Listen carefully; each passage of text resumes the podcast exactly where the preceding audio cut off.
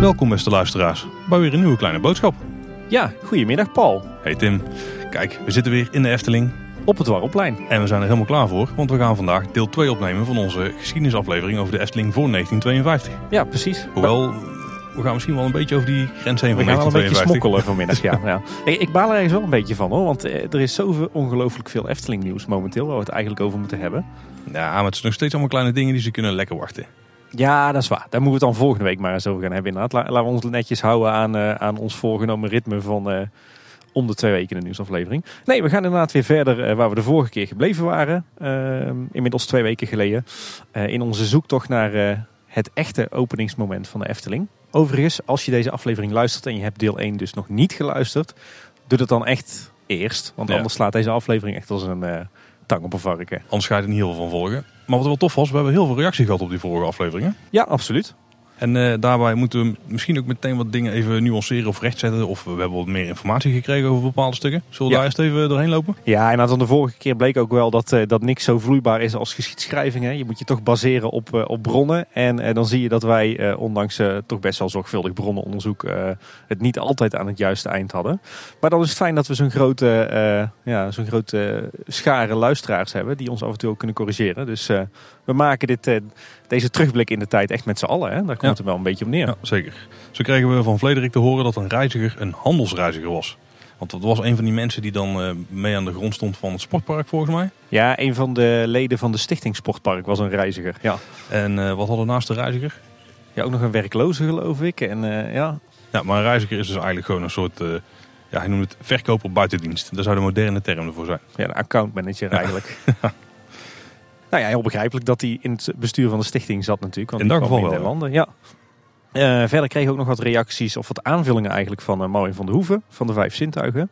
Eh, die wist nog te vertellen dat eh, de trambaan tussen Tilburg en Waalwijk dat die nogal eens voor brand eh, zorgde eh, vanwege vonken van de tram Ja, kan in ik het droge, droge seizoen.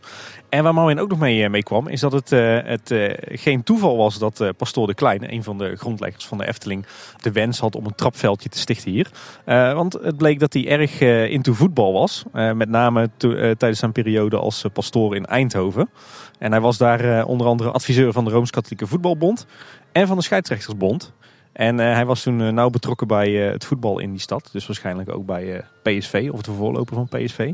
Maar va- vandaar dus zijn nadrukkelijke wens eigenlijk om, om een trapveldje op te richten hier in Kaatsheuvel. En, en een heel sportpark eigenlijk. Dat kwam dus vanuit zijn voorliefde voor de voetbal. Ja, Ramon die meldde nog dat de brandtoren, die hadden wij volgens mij ongeveer op het heksenpad geprikt. Ja, klopt inderdaad. De brandtoren stond op de topografische kaarten niet aangegeven op het huidige heksenpad, maar midden in het Sprookjesbos. Ja, en naar aanleiding van die eh, correctie van Ramon ben ik eh, er nog eens ingedoken. Heb ik nog eens wat kaarten over elkaar gelegd. En inderdaad, het eh, blijkt dat die brandtoren ehm, eh, op de plek stond waar nu het huidige Herautenplein is. Nee, dat is echt verkeerd. Het blijkt dat die brandtoren op de plek stond waar we nu het, het vinden. En als je dan de papieren erbij pakt, dan blijkt die brandtoren de uitkijktoren te zijn die op het buitenterrein van de scouting stond. En die brandtoren die heeft daar tot eh, 1951 gestaan. Ja, wat Gerry van Dongen nog wist te melden, die ook de aflevering had geluisterd en even nog wat heeft gecheckt, want die heeft wel iets meer feedback gegeven nog. Eh, die zegt ook nog, als je in 1970 op de plattegrond kijkt, dan zie je inderdaad ter hoogte van het spookslotpad een uitzichtpunt. Dus dat is niet per se de brandtoren geweest. Nee, inderdaad. Ik denk dat dat ongeveer is waar we nu nog steeds, eh, of ja, niet meer nog steeds, waar nu de spiegel aan ligt. En waar eh, tot een aantal jaar geleden eh, de, de grote fotospiegel stond. Dat is ook zo'n verhoogd punt eh, Ja. van waaraf je eh, ja, vroeger het halve park kon overzien. Ik denk dat dat het uitkijkpunt is wat eh, Gerry terug heeft gevonden op die plattegronden uit 1970. Ja, precies. Maar de, de brandtoren waar we het de vorige keer eh, over hebben gehad, eh, die bleek dus op het eh, huidige Herautenplein gestaan te hebben. En Ramon die vroeg zich ook nog af of dat we wel gelijk hadden over het, ehm, ja, het bij de Efteling trekken van het stukje waar nu Polka Marine en de Oude Tuffer ligt in 1984. In 81 viel die al binnen de parkgrenzen. Eh, als je kijkt een beetje naar de plattegrond uit die tijd.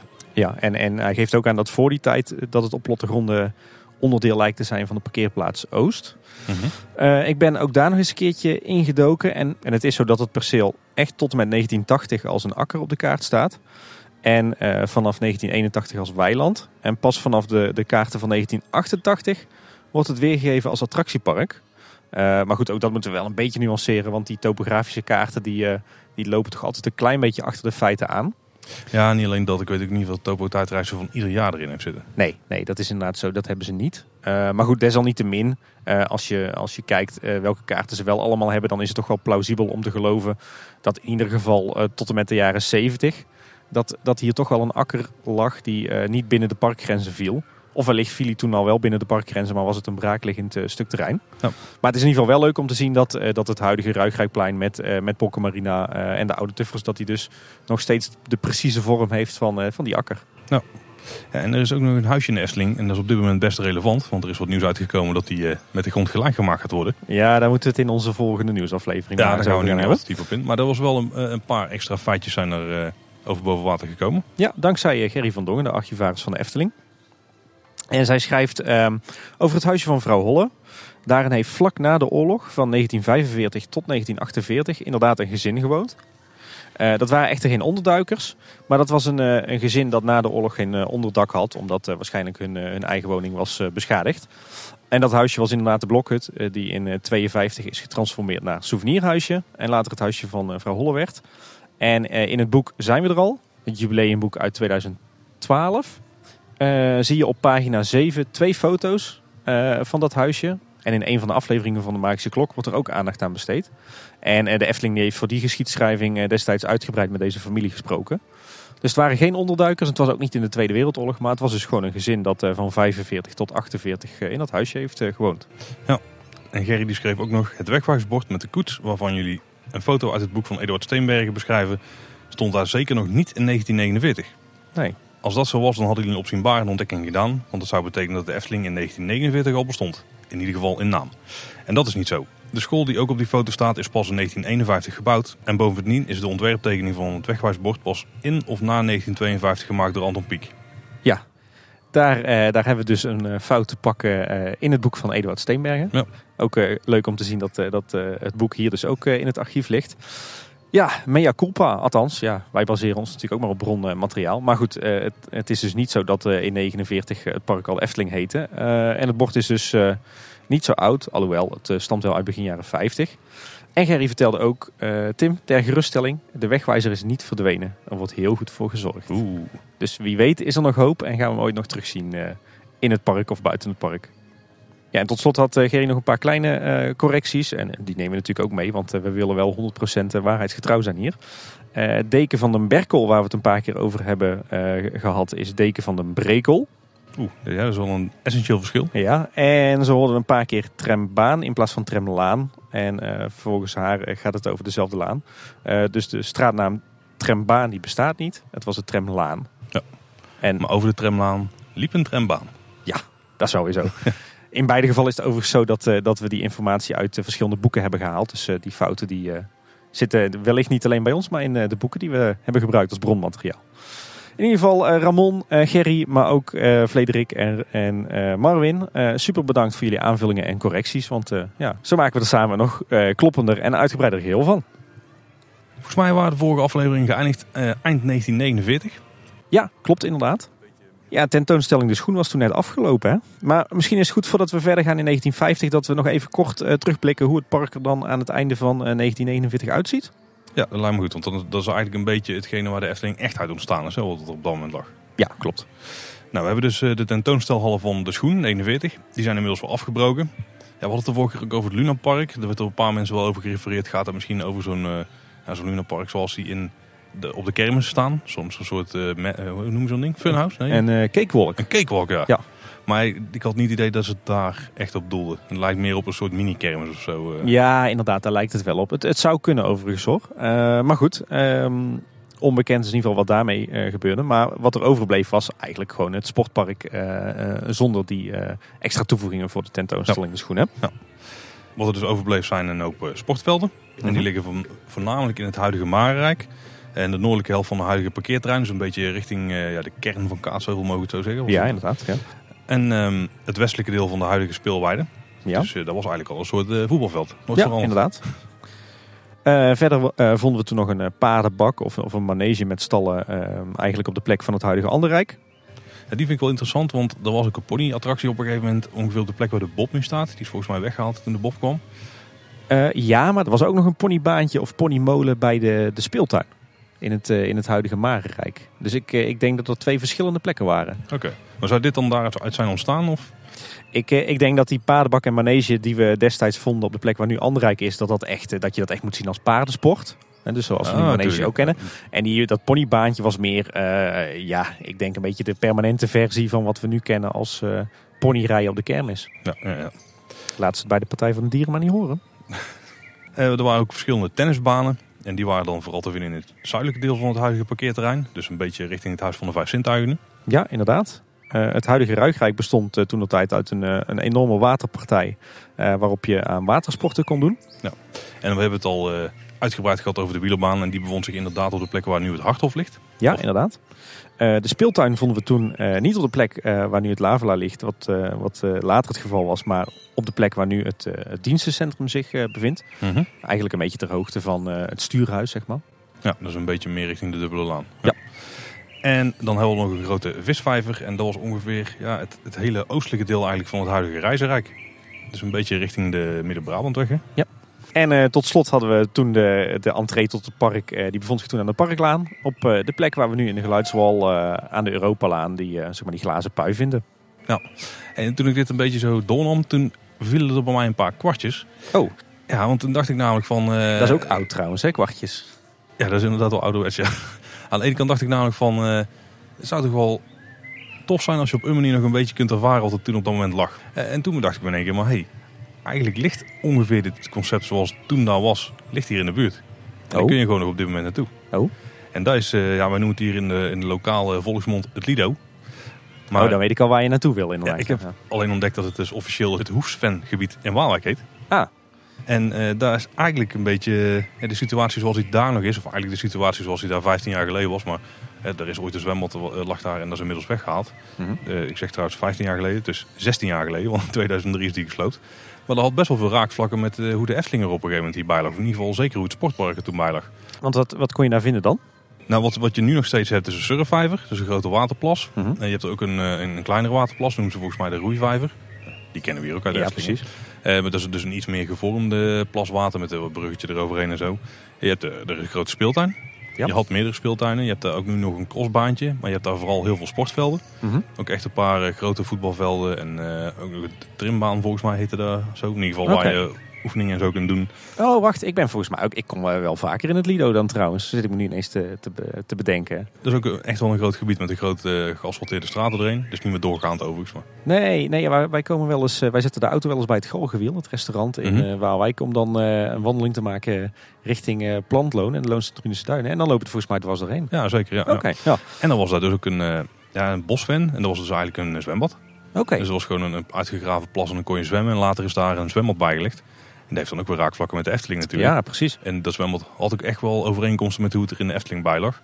Dus gewoon een groot, eh, groot bad met eh, in dat geval natuurwater. Dat was denk ik niet in de Efteling. Nee, nee, nee. Dat was in de Efteling niet, nee. Maar wel in ieder geval een betonnen bak, blauw, duikplanken erbij. Ook echt vergelijkbare Oh, kleedhokjes en zo. Wist ik helemaal niet, joh.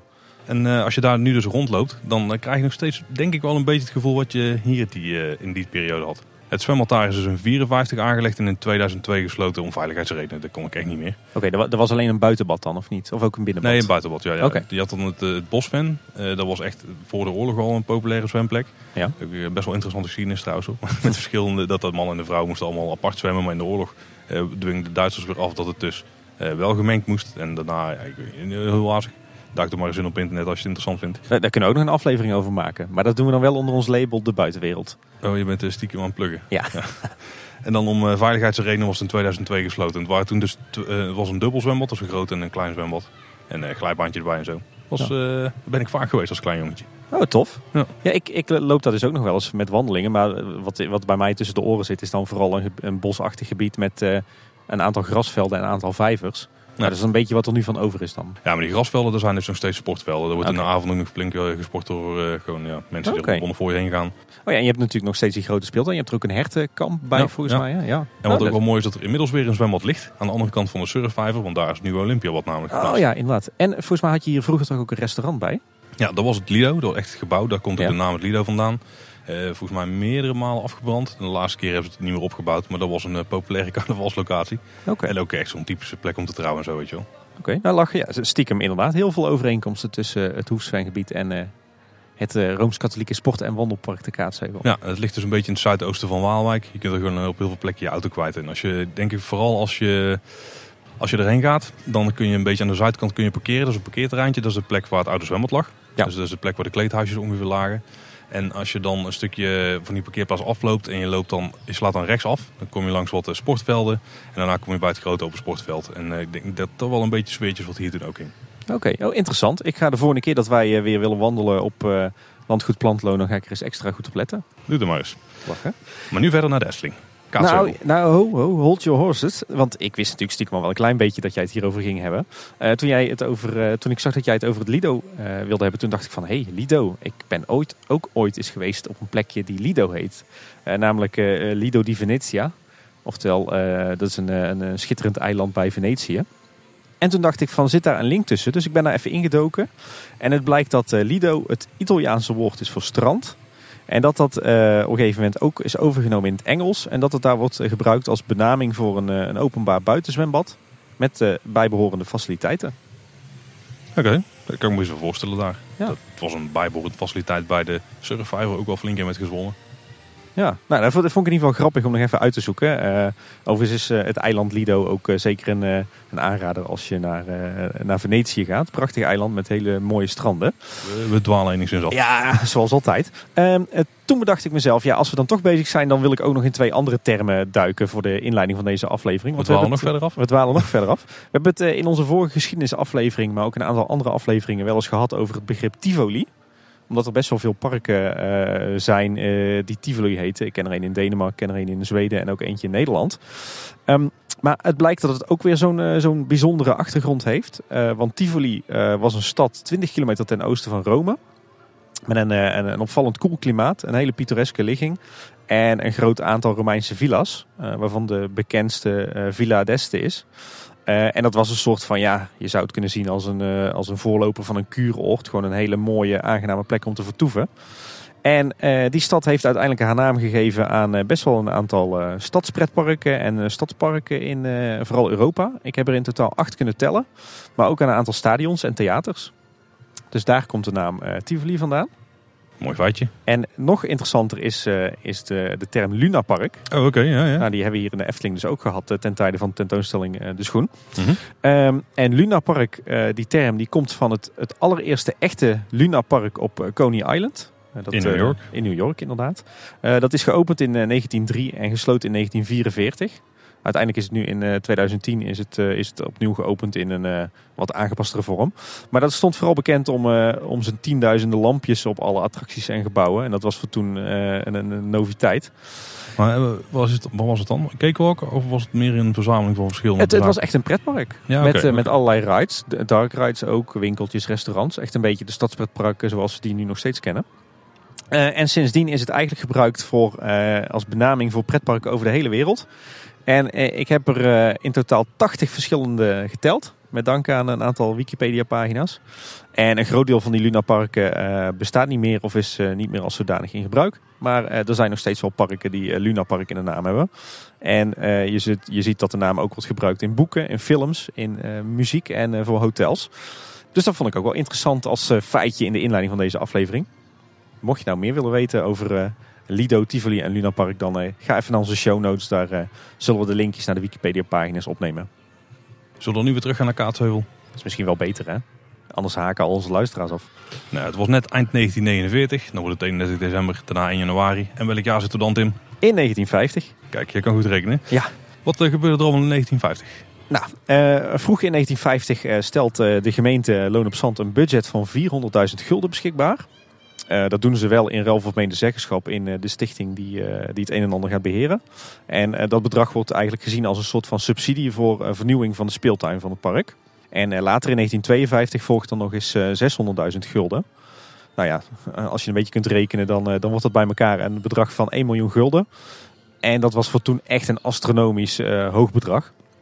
Um, nou, uh, viel mij op in een van de boeken van Eduard Steenbergen, daar heb je hem weer, dat er eigenlijk toen de tijd al behoorlijk wat vraagtekens werden gezet bij de, de belangenverstrengeling tussen de gemeente Loon op Zand en uh, Stichting uh, Sport en Wandelpark Kaatsheuvel.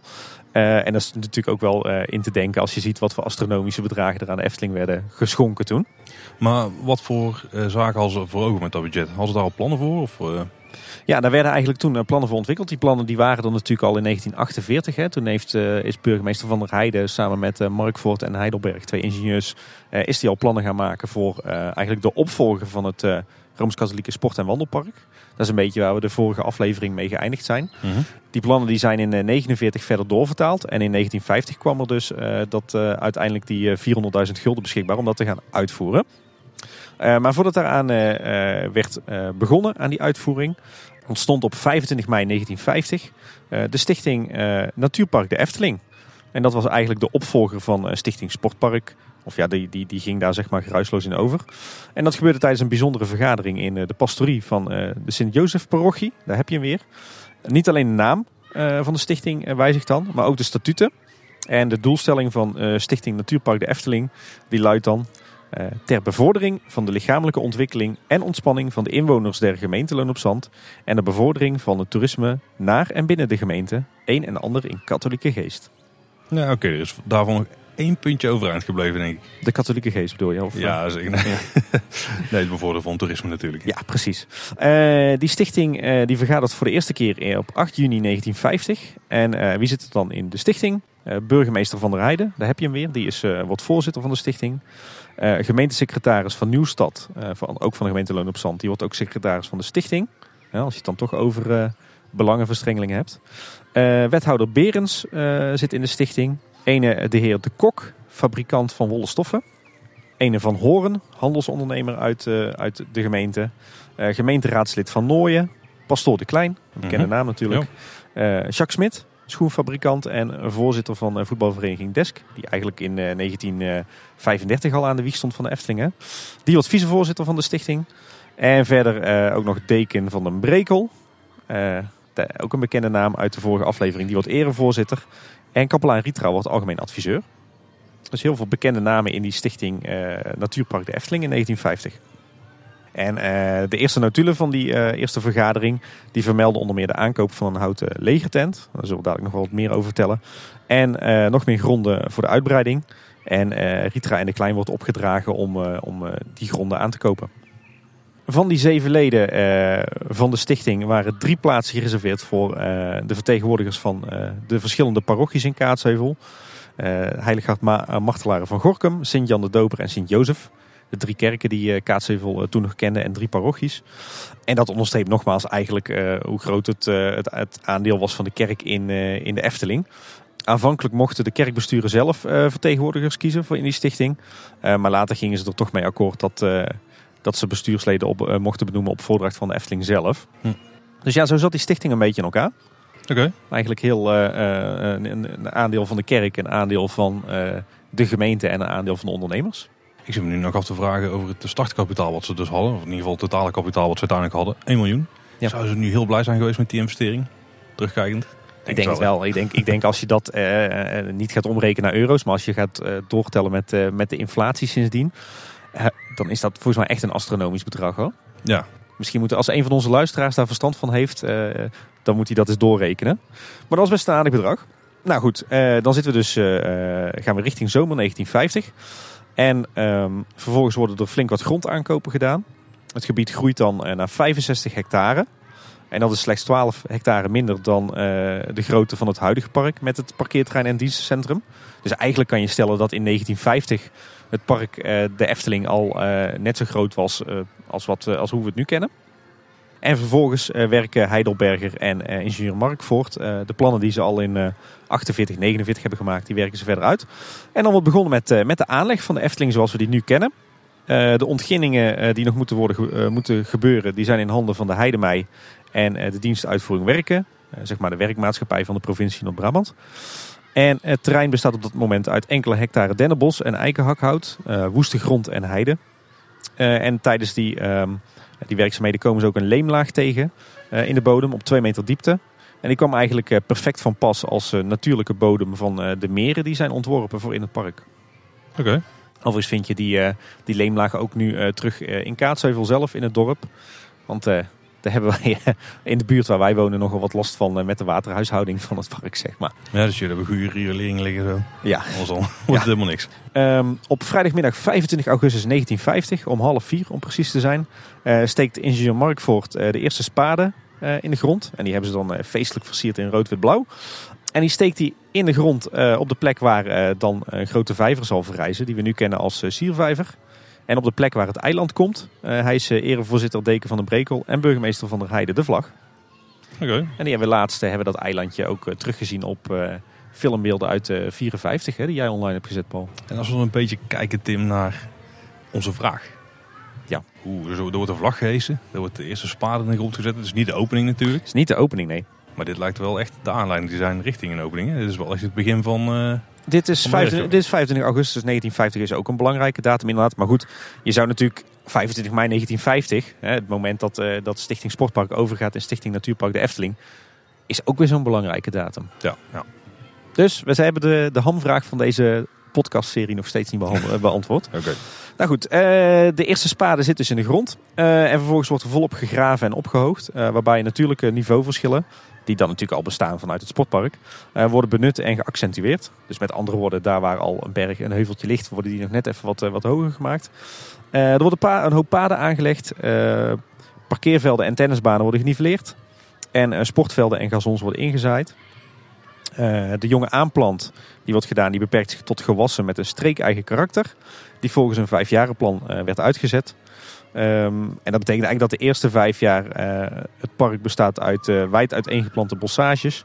En het voordeel daarvan eh, was dat er nadien niet hoefde te worden uitgedund. Ja, dus in tegenstelling tot wat ze nu vaak doen. Dan planten ze het juist wel krapper. En dan naar de rand een beetje weghalen. En dan is het er allemaal netjes. Ja, precies. Nou, is dit de lezing uit het jubileumboekje van Bob Venmans uit 1961. Maar goed, jij en ik snappen ook wel dat dit stiekem natuurlijk ook gewoon een, een budgetoverweging was. Hè? Ja, klinkt ook logisch. Als je de aanplant zo neerzet dat je eigenlijk pas na vijf jaar een beetje het gewenste beeld krijgt, dan heb je natuurlijk veel minder eh, planten nodig. Dit vind ik toch wel een, een interessante periode. Want heel veel van de beslissingen die toen zijn gemaakt, die zien we nu nog steeds. Klopt inderdaad. Ja. Zeker eh, rondom eh, de siervijver. Je kunt er wel heel duidelijk merken dat er is grond weggehaald. Want anders kon er geen water in de grond blijven staan Nee, natuurlijk. precies. De, het heksenpad en het stuk rondom het spookslot is heel daardoor daardoor ontstaan. Ja, klopt inderdaad. En vroeger had je daar ook echt die, die paden nog liggen, zeg maar voordat de Pardoespromenade kwam. Ik denk dat dat heel het overeenkwam met wat er toen al lag. Absoluut, Zoals ze toen ja. hebben aangelegd. Ja, ja, ik denk dat wat hier in 1950 is aangelegd, dat dat eh, eigenlijk op hoofdlijnen, eh, op hoofdlijnen, dat is trouwens een mooie, mooie verspreking, maar dat het op hoofdlijnen heel erg overeenkomt met hoe we de Efteling nu kennen. Daar ko- ko- komen we zo meteen ook nog wel tegen hoor. Helemaal goed. Ook in 1950, als nog eh, hard wordt gewerkt aan de ombouw van sportpark naar natuurpark, dan wordt door de Efteling een houten legertent gekocht voor 5000 gulden. Die hebben we al een keer besproken. Klopt inderdaad. Ehm, eh, die legertent die wordt dan verbouwd tot een theehuis en gedeeltelijk tot opslagplaats. Ehm, maar die legertent die heeft, eh, is geen, eh, geen lang leven beschoren. Eh, want één jaar later dan wordt al het grotere permanente theehuis geopend. En vermoedelijk doet deze legertent vanaf dat moment alleen nog maar dienst als opslagplaats. En dit is uiteindelijk het Witte Paard geworden. Ja, inderdaad. Nou ja, niet dus deze houten legertent, maar het, het theehuis wat daar uiteindelijk een jaar later is gekomen, wat een stuk groter was. Nou goed, op eh, 18 oktober 1950 is dan een tweede bestuursvergadering. Eh, en dan wordt besloten om toch maar een directeur te benoemen voor de Efteling. Eh, Ritra, die is dan inmiddels pastoor geworden, die, eh, die wil toch een stapje terug doen. En je ziet dat dat dan eigenlijk een van de eerste tekenen is van de afnemende invloed van de katholieke kerk op eh, de Efteling. En eh, de eerste directeur eh, wordt eh Dr. Anders Peters Weem, eh, op voordracht van eh, burgemeester Van der Heijden. Eh, en die treedt in dienst op 1 november 1950. En uiteindelijk eh, blijft hij twee jaar in dienst tot 1 november 1952. En eh, daarna krijgt hij eh, eervol ontslag. Oké. Dus eh, ook hij heeft, eh, denk ik, van november va- eh, 1950 tot november 1952 een hele belangrijke rol eh, gespeeld bij het eh, ontstaan en uitbouw van, de Eff- uitbouw van de Efteling zoals we die Ja, nu want dat is kennen. natuurlijk precies de periode waarin het Sprookjesbos is ontstaan. Ja, inderdaad. Hmm. Oké. Nou, dan maken we even een sprongetje in de tijd. Want dan komen we ineens uit eh, op, eh, in 1951. En wel op 11 mei 1951. Oeh, dat is een hele belangrijke Hou datum. die datum even vast.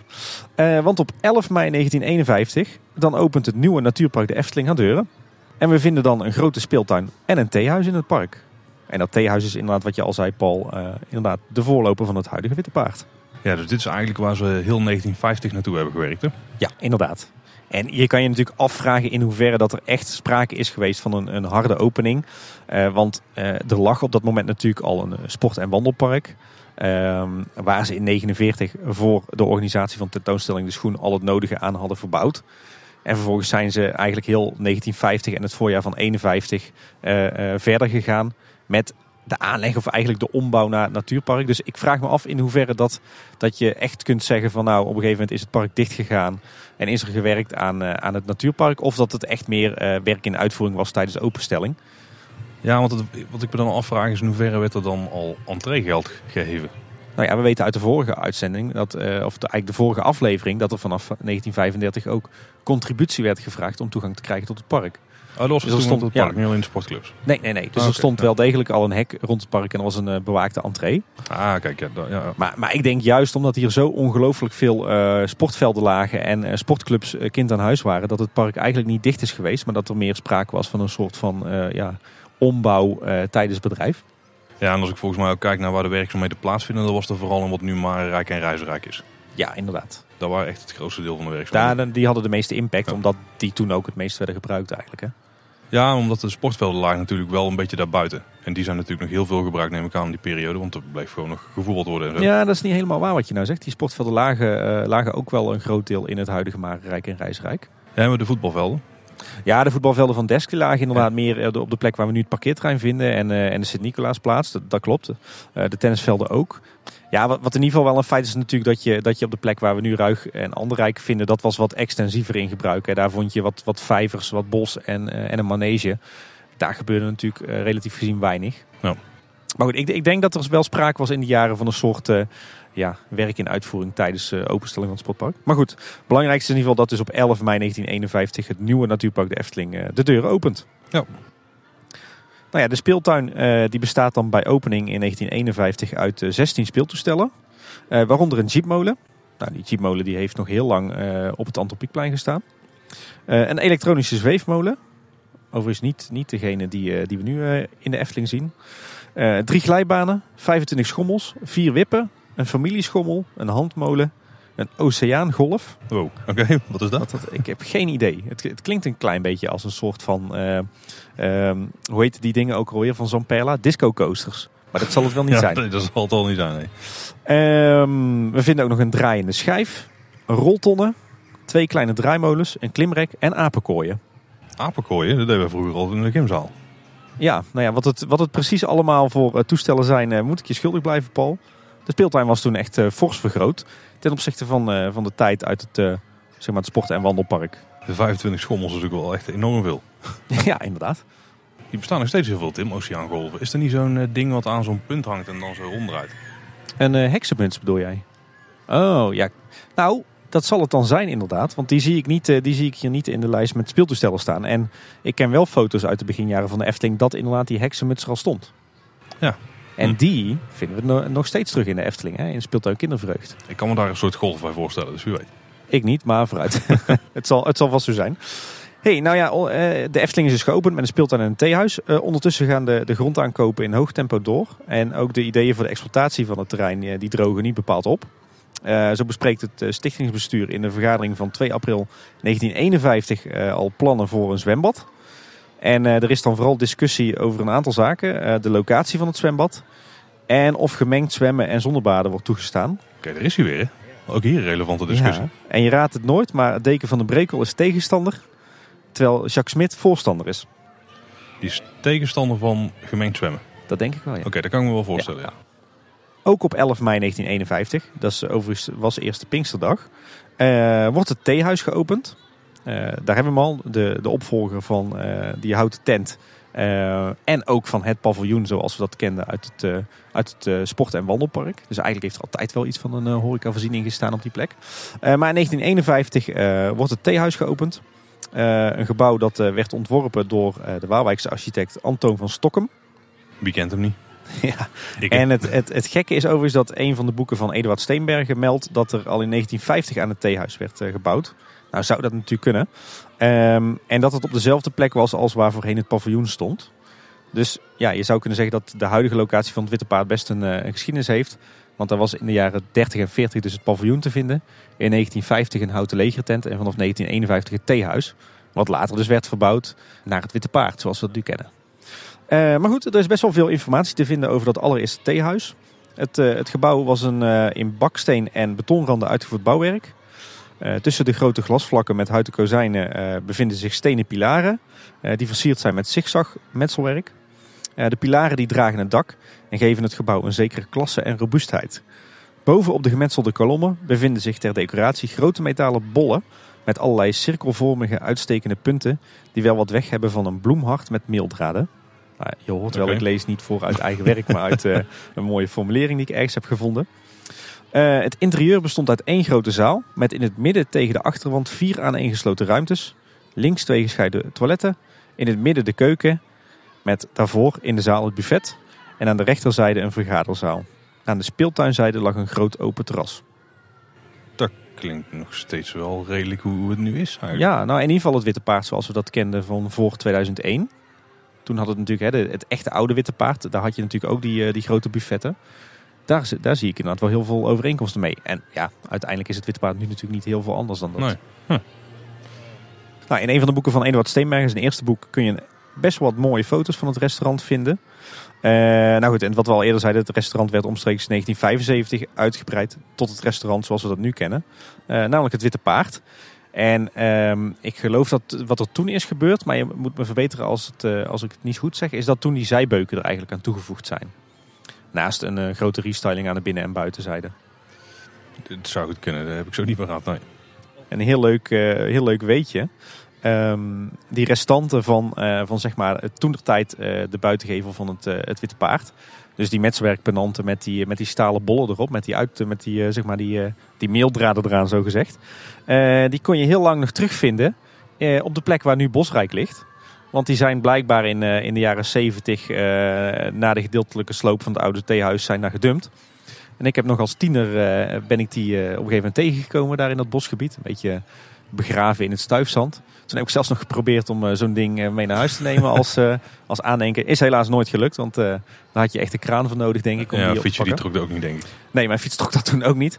maar maar die zijn uiteindelijk verdwenen toen Bosrijk werd aangelegd. en uiteindelijk heb ik die bollen ook nergens meer terug, teruggevonden. Dus ik denk dat die gewoon de bak van de vrachtwagen in zijn gelaaien en naar de sloop zijn gegaan. Jammer ja, genoeg. Wie weet horen we nu dat er ook nog ergens heel goed voor wordt gezorgd. Dat zou wel mooi zijn ja. natuurlijk. Maar dat is wel een leuk detail. Die lagen dus hier heel lang gewoon in het bos waar nu Bosrijk ligt. Ja, ja volgens mij wat we ook al melden in onze horeca-aflevering.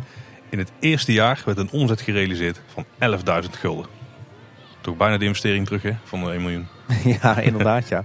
Het zal wel flink groeien, want de, de jaren erop er komen natuurlijk steeds meer mensen naar de Efteling. Ja, want het, uh, daarna opent het, uh, het Sprookjesbos natuurlijk. Overigens wist ik ook, kon ik ook nog vinden, dan lopen we een beetje vooruit uh, op de tijd, dat in 1953 de vergaderzaal van het theehuis wordt omgebouwd tot inlichtingenpost en directiekantoor. Dus, ja, want er was natuurlijk op dat moment helemaal niks van een kantoortje of zo. Waarschijnlijk wordt alles gewoon gedaan vanuit de, de kerk of vanuit de gemeente. Ja, nou ik weet dat niet hoor. Want als je op uh, plattegronden kijkt uh, van later, dan zie je toch in uh, met name de plek waar we nu het Marenrijk vinden, best wel veel kleine bouwseltjes verspreid over het terrein. Dus het zou zomaar kunnen dat daar wel een beheerdersruimte en een kantoor tussen heeft gezeten hoor. Ja, dan zullen ook wel ergens een soort barak hebben gehad voor onderhoud. Ja, lijkt me wel. Ja. Maar, maar inderdaad, het, het, het chique directiekantoor stel ik me zo voor. Die werd dus uh, in 53 in het uh, theehuis uh, aangebracht. Kijk, ik kom ondertussen even naar het buffetje. Precies, precies. nou, we hadden het al eerder over die, die vergadering op 2 april 1951. toen, het, toen er werd gesproken over de bouw van het zwembad. nou, daarnaast stond toen ook de bouw van een restaurant op de agenda. En ook daar wordt dan meteen de knoop over doorgehakt. want dan wordt architect C. Perquin gevraagd om een schetsontwerp uh, te maken met prijsopgave voor het realiseren van een, rest, een, restaurant in twee etages aan de noordzijde van de vijver. Nou, daar moet iedereen heel bekend voorkomen. Ja. We hebben een restaurant in Efteling nu, Tim, aan de noordzijde van een vijver met twee verdiepingen. Ja, je zou zeggen van wel. Ja, hè? volgens ja. mij het café-restaurant uiteindelijk. Hè? Ja. ja, je zegt het goed. De enige echte naam. Nou, en dan de 25 andere themanamen. ja, overigens uh, start de bouw van het restaurant uiteindelijk in 52. dat is al best, dat is ook vroeg. Nou ja, op zich staat voor de bouw van een, een restaurant wel een jaar. Dus, uh... Ja, zeker met twee verdiepingen. Hè? Ja. Aan de noordzijde van een vijver. Ja, precies. Nou, het leuke is dat we, uh, dat we ook best wel een, een beeld kunnen krijgen van hoe het park er toen op tijd, dus kort na opening in 1951, uitzag. Nou, dat zeg ik niet helemaal goed. Um, de, we hebben al eens in de vorige aflevering vermeld dat de allereerste plattegrond van de Efteling de plattegrond van de tentoonstelling De Schoen is uit 1949. En de eerstvolgende plattegrond die bekend is, is een plattegrond uit 1954. die vind je terug in de Chroniek van een Sprookje, het befaamde jubileumboek van de Efteling. Ehm, en die heb ik zelf thuis ook liggen in mijn verzameling. Nou, jij hebt een echte thuis liggen? Ik heb de echte thuis liggen. Dat is wel echt heel tof. Ja. ja dat is op zich nog wel een leuke anekdote. Want je zal je afvragen, hoe kom je in godsnaam aan een plattegrond van de Efteling uit 1954? Nou, het, is, het is niet zo dat ik daar allerlei uh, Eftelingbeurzen voor heb moeten aflopen en, uh, en uh, heel veel geld voor heb uitgegeven. Nee, het was zo dat ik toevallig op de verjaardag zat van mijn, mijn oma. die jammer genoeg vorig jaar is overleden. en dat haar schoonzus naar mij toe kwam van... hey, Tim, ga je verzamelen toch spulletjes van de Efteling? En toen zei ik ja. En toen zei ze ja, ik was toevallig door, een oude, door oude basisschoolagenda's aan het bladeren. En ik kwam daar een plattegrond tegen uh, van de Efteling. Nou, ik een beetje terugtellen. Uh, dus ik werd langzaam maar zeker wel een beetje excited. En uh, toen zei ze, wil je die toevallig hebben? Ik zeg, nou, daar heb ik wel interesse in hoor. en toen ontvouwde zij, toen pakte zij een vodje uit de tas. Ik denk, nou, dit kan niet veel zijn. Dus ik vouw die plattegrond open. En ik zie tot mijn verbijstering dat dat een wel heel oude plattegrond is. En eenmaal thuis kijken naar wat er wel en niet op die plattegrond al stond, uh, kwam ik er dus achter dat die uit uh, omstreeks 1954 uh, eh, moet, gekomen moet zijn. Dus dat was, is denk ik nog steeds een van de meest bijzondere, meest gekoesterde items in mijn verzameling. Het is sowieso denk ik de eerste plattegrond waar dan echt de naam Efteling op staat. Ja, dat zeker inderdaad. Ja, ja. Maar eh, het leuke is dus dat, ehm, eh, dat je dus aan die plattegrond, ondanks dat hij niet uit 51 komt, maar dat je daar wel aardig wat van kan, uh, wat informatie uit kan halen. Mhm. Want als je die langs de plattegrond legt uit 1949, dus van tentoonstelling De Schoen, dan zie je dat de indeling van het park best wel fors afwijkt van, van de indeling in 1949. Dus blijkbaar is, is het park zo tussen 1950 en 1953 echt wel flink op, op de schop genomen. Ja, dat komt eigenlijk weer op mijn opmerking van net. Ik kan me voorstellen dat vooral rondom Marenrijk en Reizenrijk echt heel veel wijzigingen zijn geweest. Ja, klopt inderdaad, ja. Of is, is wel nog een klein deel van de padenstructuur uit 1949 is intact gehouden. Oké. Uh, op zich wel logisch, want ja. uh, als het werkt, dan werkt het. Hè? Ja, en als je dan ook uh, erbij nadenkt dat de horeca nog steeds op een vergelijkbare plek staat. Ja, die zal er niet voor niks liggen natuurlijk. Nee, en je kan je ook wel voorstellen dat als je een sportpark wil uitbreiden tot een soort van recreatiepark, dat je de goede elementen gewoon houdt zoals ze zijn. En dat zou, zouden we zelf ook doen, denk ik. Nou.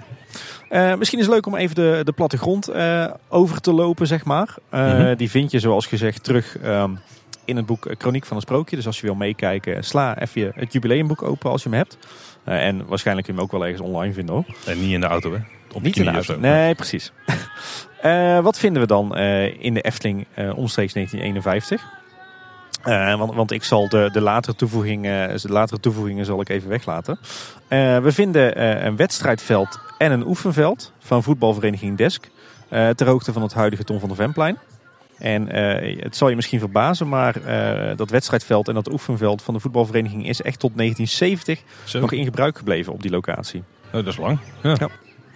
Uh, de hoofdtoegang van het park uh, met de fietsenstalling overigens, uh, die bevindt zich ter hoogte van de huidige speeltuin Kindervreugd. -hmm. dus weer op, de, op de, de, plek waar de ingang ook al lag ten tijde van de tentoonstelling De Schoen. -hmm. um, dus ja, die lag niet echt op de plek waar nu Kindervreugd is, maar aan de noordzijde van de Europalaan. Ja. Waar je dus dat, dat monumentje vindt. Kindervreugd moet je een stukje verplaatsen. Ja, ja nou, een stukje liep een stuk noordelijker door dan. Hè. je vindt een speeltuin met theehuis en kinderspeelvijver ter hoogte van het, eh, het huidige Lavelaar en Anton Pieckplein. Een kinderspeelvijver? Ja, dat is eh, denk ik diezelfde vijver als waar later die uh, witte olifant bij verscheen. Dus eigenlijk een soort kinderbadje. Ja, oké, wel meer zwemmen. Het is heel ondiep. Ja. En kinderen en vijvers gaan meestal niet zo goed samen. maar uh, wat, wat leuk is om te zien is dus dat, uh, uh, dat waar de, de speeltuin ten tijde van de jaren 30 en 40 echt nog op een andere plek lag, meer richting het, het, het, huidige dienstencentrum, mm -hmm. zie je dat in, vanaf 51 de speeltuin dus echt op de plek lag waar dat die tot 1990, dus tot de komst van het Lavelaar, heeft gelegen. Oh. We vinden dan verder een parkeerterrein en een tweede toegang ter hoogte van het, het huidige dienstencentrum. Dus eigenlijk die, die functie die hij nu heeft van parkeerterrein heeft hij ook al sinds 1951 gehad. Uh, en het grappige is dat die tweede toegangspoort uh, tot de Efteling, dat je die tot voor kort ook nog, uh, nog kon zien. Niet in het park, maar wel als je achter de schermen liep. Want die lag zo'n beetje aan, het, ja, zeg maar aan de dubbele laan, maar dan aan de, de personeelskant. Dus aan het dienstpad Wat, wat, wat zeg maar tussen het stuurhuis en de dubbele laan lag. Eh, want als ik, eh, ik, heb het, eh, ik heb een tijdje ook op de Smulpaap gewerkt. En als je dan vanaf het dienstencentrum naar de back of the house van de Smulpaap liep. Dan kwam je op een gegeven moment aan je, aan je linkerhand verscholen in de, in de coniferen. En, en in allerlei bouwseltjes zag je nog een, een stenen toegangspoort staan. En dat was ehm, in 1951 nog de tweede toegang tot de Efteling. Ja. Hij is volgens mij ehm, ergens tussen pak een beet 2005 en 2010 gesloopt, denk ik. Nou, dus tot voor kort wel een ruime grip. Ja, voor mij voelt het al als tot voor kort. Dat is niet dus de poort die daarna nog is gebruikt als ingang Noord. Nee, nee, nee. Het is wel echt een andere poort. Dat was een andere poort, ja. Dit was ook echt, uh, wat ik me nog herinner van die tijd, uh, ook echt nog zeg maar zo'n uh, van die gemetselde stenen, stenen penanten. Dus echt zo'n hele ouderwetse poort. Verder vonden we de speelweide. Uh, ter hoogte van de huidige speelweide eigenlijk. Dus mhm. we kunnen die conclusie wel trekken dat dat dezelfde was. Was er ook echt nog qua formaat hetzelfde, denk je? Uh, dat denk ik wel, ja. Die komt redelijk overeen. Ten westen daarvan vonden we uh, een grasveld, wat waar eigenlijk geen beschrijving in stond. Was, waarschijnlijk, denk ik, als je de kaart over elkaar legt, was dat dus wat er nog over was van de wielerbaan. Mhm. En eigenlijk nabij die speelweide vond je wat ze toen nog een souvenirhuisje noemden. En ik vermoed dat dat is wat we nu kennen als zoete inval. Ja, oké. dat zou ook een ander gebouwtje kunnen zijn. Ja, dat is, zoete inval is echt een pieksgebouwtje. Dus ik vermoed dat die dan naar de andere keer is vervangen. Zo. Ehm, verder vind je een hele grote uh, waterpartij. Ehm, eigenlijk op uh, dezelfde plek als waar nu uh, de, de siervijver, de gondoletta ligt, zeg maar. Mhm. dus het is wel veilig om de conclusie te trekken dat dat dezelfde vijver was. Met één verschil. Uh, er lag zeg maar, uh, maar één kanaal vanaf de hoofdvijver richting de zuidelijker gelegen Kanovijver. En later ehm, is dat een beetje omge omgegraven, zeg maar. Heb, hebben ze daar die lus gemaakt die je nu met je gondoletta bootje maakt. Maar die waren toen ook echt verbonden nog hè, met elkaar? Ja, die zijn nu nog die zijn altijd verbonden geweest, alleen dan ondergronds. Want er is op een gegeven moment dat pad, zeg maar de, de zwembadlaan overheen gelegd. Ja, precies. Ja. Maar toen, toen waren ze fysiek nog verbonden. maar dat was dus maar één, één kanaaltje eigenlijk tussen die twee vijvers. Hm. Verder vinden we dan eigenlijk in het hele park een heel netwerk van allerlei eh, wandelpaden, eh, bos en allerhande bruggetjes over dat, eh, dat kanaal waar we het over hebben gehad. Ja, dat is eigenlijk meer hoe een stadspark tegenwoordig dus erbij ligt. Ja, ja inderdaad. Daar kun je mee vergelijken dan, denk ik. Ja, een heel bosrijke, bosrijke en waterrijke omgeving. Maar als we dus entreegeld voor vroegen, want het was, het was uh, kijk, het Sprookjesbos was nog niet geopend. Nee. Blijkbaar was het dus al wel de moeite om entreegeld te vragen voor iets wat je bij heel veel andere steden gewoon als vrij toegankelijk ja, je had hier natuurlijk een hele grote speeltuin en een theehuis. Hè? Nee, dat was echt uh, attractief. Dat, dat was in 51 de, attractie, ja. Okay. ja. Um, ter hoogte van de huidige Python uh, vond je toen ook nog een parkeerplaats. Um, en verder um, lag er al een vijver zeg maar, ter hoogte van de huidige Vliegende Hollander en Piranha. En uit, het duurde tot 1954 voordat die echt in gebruik werd genomen als kanovijver. Mm -hmm. Ter hoogte van de Fata Morgana, wat nu de Fata Morgana is, vonden we toen op tijd een uh, dienstwoning. En Eftepedia die zegt erover, aan de roei- en kanovijver stond een boerderijtje dat onder andere vanaf 1954 bewoond werd door Loesmeets en in 1961 door Henk Knuivers. Het jaar erop werd het boerderijtje onderdeel van Rijsporthoeve de Efteling, totdat deze in 1969 afbrandde. Ah, oké, en dat zal dan weer de, de voorlopers zijn geweest van... Manege de Duiksoef, die we nu uh, elders in de wereld van de Efteling uh, vinden. En uh, ja, als je dan even terugkijkt naar waar we het de vorige aflevering over hebben gehad, dan zou het natuurlijk zomaar kunnen dat dit boerderijtje wat toen dus tot uh, het park de Efteling behoorde, dat dat uh, eerder eigenlijk van oorsprong een boerderij is geweest uh, van het buurtschap Efteling. Ik heb het even net snel gecheckt, Tim. Ik kan het bevestigen dankzij Topo Tijdreis. hey, kijk. Ja, ja, zeker mooi hè? Dat is leuke informatie. Dus er heeft inderdaad in de Efteling in de jaren 50 nog een, een boerderij gelegen die van oudsher tot het, het buurtschap hoorde, die, die toen in gebruik is genomen in het, in het park. Interessant. Ja, ik zit een beetje zo door de, door de tijd heen te scrollen. En ik denk dat hij er rond 1900 al lag. Oké, nou, nou dat is volgens mij nieuwe informatie. Dus dat is een, eh, een eh, interessante ontdekking. verder uh, vonden we ter hoogte van de huidige Bob en een beetje het gebied eromheen uh, een aantal tennisbanen. Dus die, waren, die zijn toen verhuisd. Uh, En ook een aantal andere sportvelden nog. ten westen van het huidige Herautenplein, dus op, op de plek van de, het parkeerterrein, vinden we dan nog twee sportvelden. En ook een sportveld ten noorden van het huidige Herautenplein. Mm En um, nou, dat is een beetje alles wat je op dat moment vindt in, uh, in de Efteling. Um, wat verder opvallend is, is dat de Eftelingse straat in 1951 nog steeds met SCH werd geschreven en bestond uit drie losse woorden. Dus ook op die plattegrond staat hij nog als de Eftelingsche straat. Ja, en zoals we eigenlijk al eerder vermeld hebben, zie je ook op de plattegrond, als je wat, wat plattegronden over elkaar heen legt van de jaren daarna, dat er dus aardig wat overeenkomsten zijn tussen de situatie in begin jaren 50 en de situatie nu. En ik heb een aantal paden geïdentificeerd die toen al bestonden. Mhm. Pad vanaf de ingang Parklaan langs het theehuis af. Dat is, is nu zeg maar het pad wat vanaf het gemak tot aan het Carouselpaleis ligt. Dat bestond toen al. Het pad voor het Carouselpaleis langs, dus zeg maar een beetje ingeklemd tussen de, tussen de spoorlijn en het poffertje. wat nu richting de dubbele laan gaat, dat lag er toen ook al. Mhm. de spiegellaan lag er toen al. Oké. dus zeg maar, ja, pak een beet vanaf de, de pagode eh, langs het heksenpad af richting de achterkant van het spookslot. Dat pad lag er toen al. Eh, het krentenpad eh, lag er toen al. Zeg maar als je van Kleuterhof naar richting de traptreintjes loopt, dat is het krentenpad, dat lag er toen al. Ehm, een gedeelte van het pad achter de Python en, en Joris en de Draak langs. dat ligt er nu natuurlijk niet meer, maar dat lag er ten tijde van de Pegasus nog wel. Maar Mhm. dat was er al in de jaren 50. En ook het pad ten zuiden van het Sprookjesbos, wat we nu kennen als Bedoespromenade, bestond toen al. Ja, maar dat was toch wel een heel ander soort pad, hè? Ja, ja, ja zo, sowieso in die jaren. Ik denk Ja. dat het uh, voor het, het, overgrote deel allemaal zandpaden of, uh, of uh, ja, met, met, met, met stenen verharde paden waren. En ook een gedeelte van het pad van het spookslot naar het Marenrijk bestond toen al.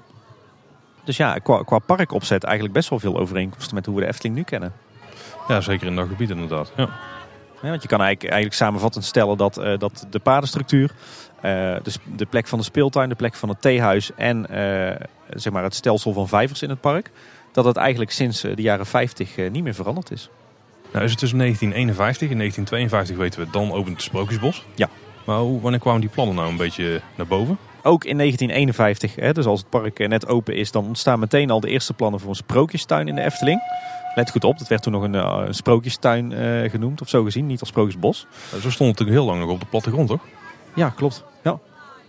Um, het was trouwens uh, de vrouw van burgemeester Van der Heijden die met het idee kwam. En zij was geïnspireerd door de sprookjestuin die Philips voor haar jubileum had gerealiseerd in Eindhoven. Die sprookjestuin was gerealiseerd voor zeg maar een hele tijdelijke, als een hele tijdelijke expositie. En die is ook niet echt een succes geweest. Want vanwege een of andere ziekte of epidemie wordt die tuin uiteindelijk nooit in gebruik genomen. Oh, ik heb er wel een paar foto's van gezien. Ja, dat was echt zo'n karton, ja. Kartonnen constructie en zo. Voor, met een poortje heb ik volgens mij gezien. Zo'n zo'n ridderpoortje. Ja, precies. Ja, en, fout. Ja. dat, dat is dus de inspiratiebron geweest voor in ieder geval het idee om wat met sprookjes te gaan doen in de Efteling. Dus dat ontstond in, uh, in 51. En het, het was niet, zoals veel mensen denken, Ritra of de Klein. En ook niet Anton Pieck of Peter Reiners of burgemeester van der Heijden zelf die met dat idee kwam. Maar het was echt de vrouw van burgemeester van der Heijden aan wie wij nu het Sprookjesbos te danken hebben. Oké, okay, ja, en dan is het dus 1952. Ja, en op 1 april 1952, wanneer er weer een bestuursvergadering is van Stichting Natuurpark de Efteling, dan kondigt burgemeester van der Heijden de plannen voor een Sprookjesbos aan. En vanwege de tijdsdruk heeft het dagelijks bestuur de plannen dan al in een, in een heel ver stadium voorbereid. En is ook de uitvoering al in volle gang. He, zoals, het, uh, zoals het hoort. Ja, zoals het toen ging. ja, inderdaad. En soms nu ook nog wel eens.